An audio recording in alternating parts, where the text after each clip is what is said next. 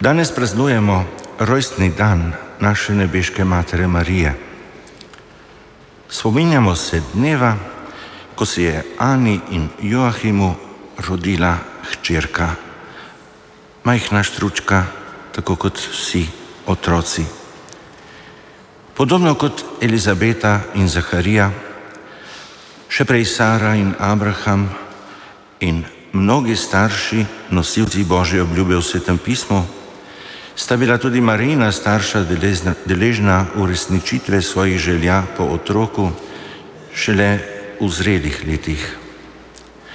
Zamislimo si, kako sta bila tega vesela, ko sta končno dobila otroka.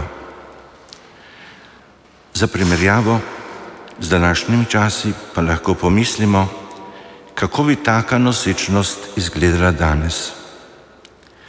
Najprej bi na Ano pritisnili zdravniki. Se zavedate, kako je vaša nosečnost tvegana? Več kot 80% možnosti je, da bo to otrok s posebnimi potrebami. 90% zdravnikov bi na Ano pritiskalo strokovno utemeljenim predlogom naj naredi splav. Predstavljamo si, kako bi novico o Ani nosečnosti in rojstvu Marije predstavili mediji. Nekateri o tem ne bi niti poročali, kot ne poročajo o večini pozitivnih doseč, dosežkov, če niso politično na liniji. Drugi bi Ano medijsko raztrgali in si pri tem pomagali z enim ali drugim strokovnjakom. Le malo bi se jih potrudilo, da, da o Anini nosečnosti in rojstvu Marije poroča objektivno in bi poskušalo predstaviti Ano kot pogumno ženo, ki je pripravljena storiti vse, da izpolni božji načrt. Večina medijev pa bi tako ali drugače iz te novice skušalo narediti senzacijo. Novinari bi se do nje opredelili na podlagi političnih in osebnih življenjskih predstav in opredelitev.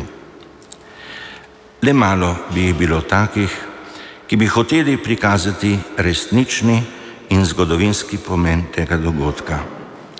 Gotovo bi bil med njimi radio ognišče ker kot vemo, poročajo tudi z druge strani in smo jim dejansko hvaležni, da mnogo stvari, ki jih v drugih medijih, medijih slišimo drugače, povejo, kako pravzaprav stvari so. In radio ognišče, hvala vam za vaše delo. Potem si predstavljajmo, kako bi Ano, na Ano pritisnile sosede in prijateljice. Kaj si neumna, pri teh letih boš rodila, veš, koliko tvegaš. Lahko bo tvoj otrok prizadet, lahko tvoj otrok umre, lahko umreta oba, če pa on ostane živ, ti pa umreš, kdo bo skrbel za njim. In kako bo zgledalo, ko jo boš peljala v šolo? Bodi pametna in prekini to nosečnost. Takemu razmišljanju mnogi celo rečejo, da je humano. Kaj bi bilo, če bi Ana živela danes in bi izpostavljena pritiskom prisluhnila takim nasvetom? Dejansko bi lahko rečemo, da bi bili prikrajšani za odrešenje. Žalostno dejstvo je, da so takim pritiskom danes izpostavljene mnoge žene. Najprej žene, ki se kljub posebnim okoliščinam odločijo, da bodo svojega otroka vendarle donosile in jih kljub vsem tveganjem za zdravje rodile. Nažalost pa so takim pritiskom izpostavljene tudi žene, ki so sicer popolnoma zdrave, vendar je na poti že njihov tretji, četrti, peti ali šesti otrok. Najbolj žalostno pa je, da se takim stališčem in pritiskom pridružujejo tudi ljudje, ki se opredeljujejo za kristjane in hodijo redno v crkvu.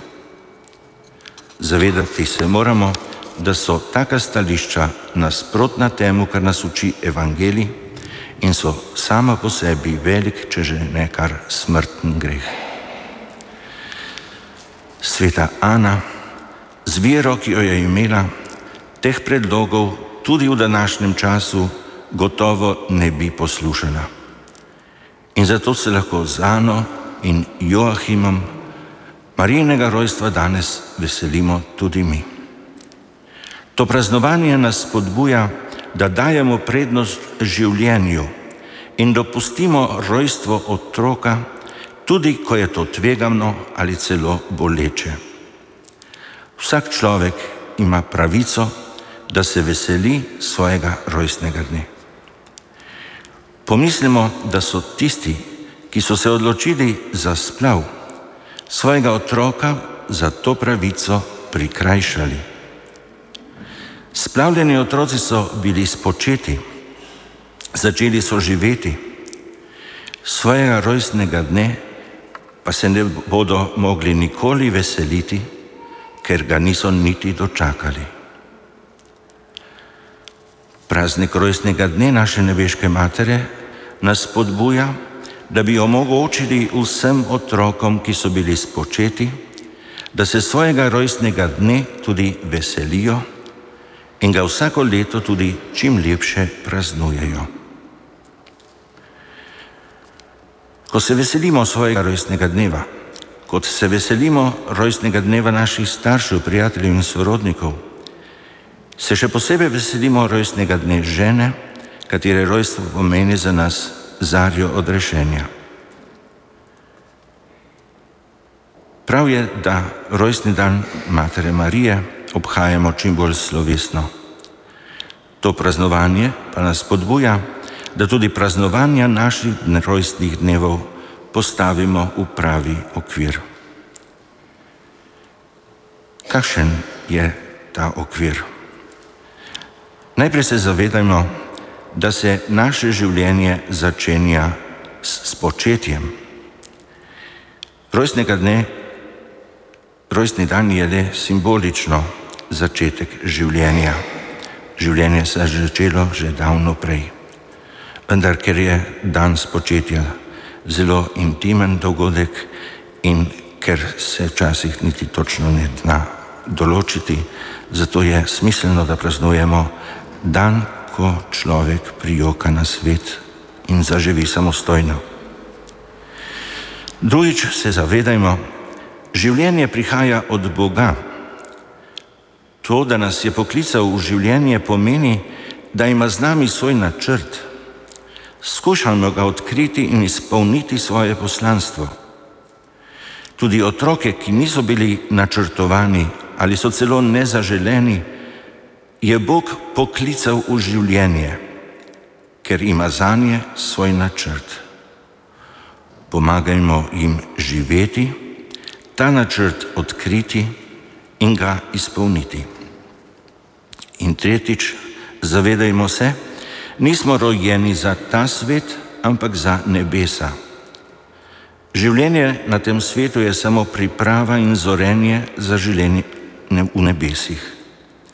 Praznovanje rojstnega dne dobi pravi razlog za veselje, ko se zavedamo, da smo rojeni za večno življenje.